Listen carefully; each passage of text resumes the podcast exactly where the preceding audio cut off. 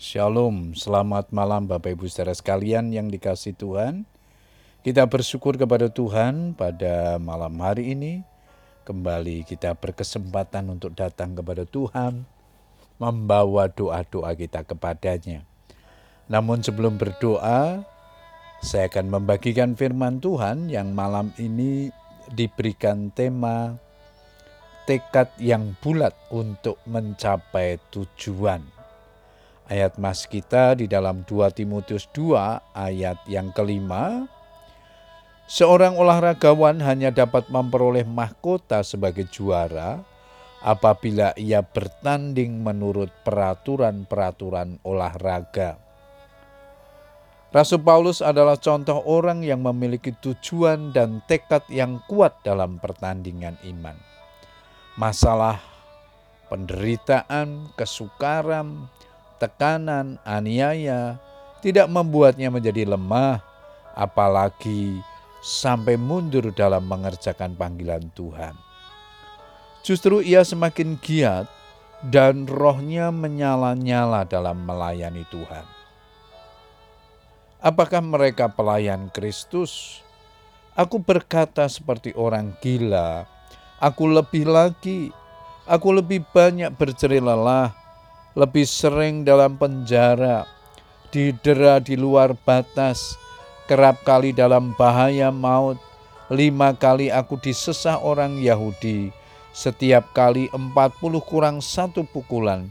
Tiga kali aku didera, satu kali aku dilempari dengan batu, tiga kali mengalami karam kapal, sehari semalam aku terkatung-katung di tengah laut dalam perjalananku, aku sering diancam bahaya banjir dan bahaya penyamun, bahaya dari pihak orang Yahudi dan dari pihak orang-orang bukan Yahudi, bahaya di kota, bahaya di padang gurun, bahaya di tengah laut, dan bahaya dari pihak saudara-saudara palsu.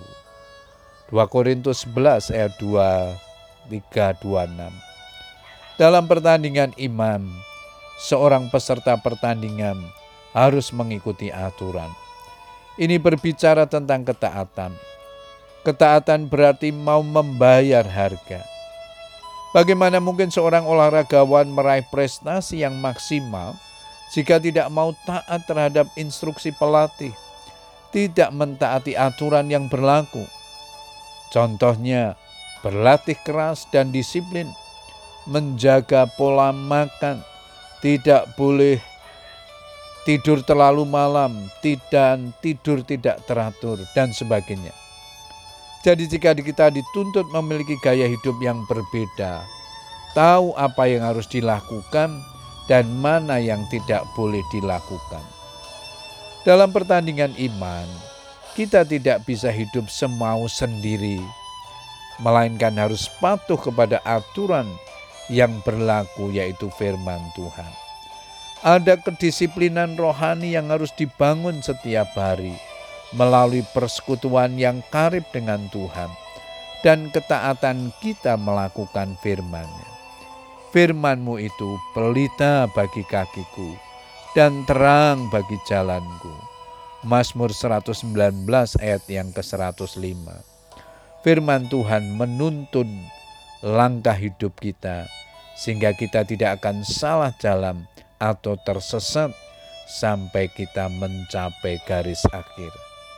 Hendaklah engkau setia sampai mati, dan aku akan mengaruniakan kepadamu mahkota kehidupan.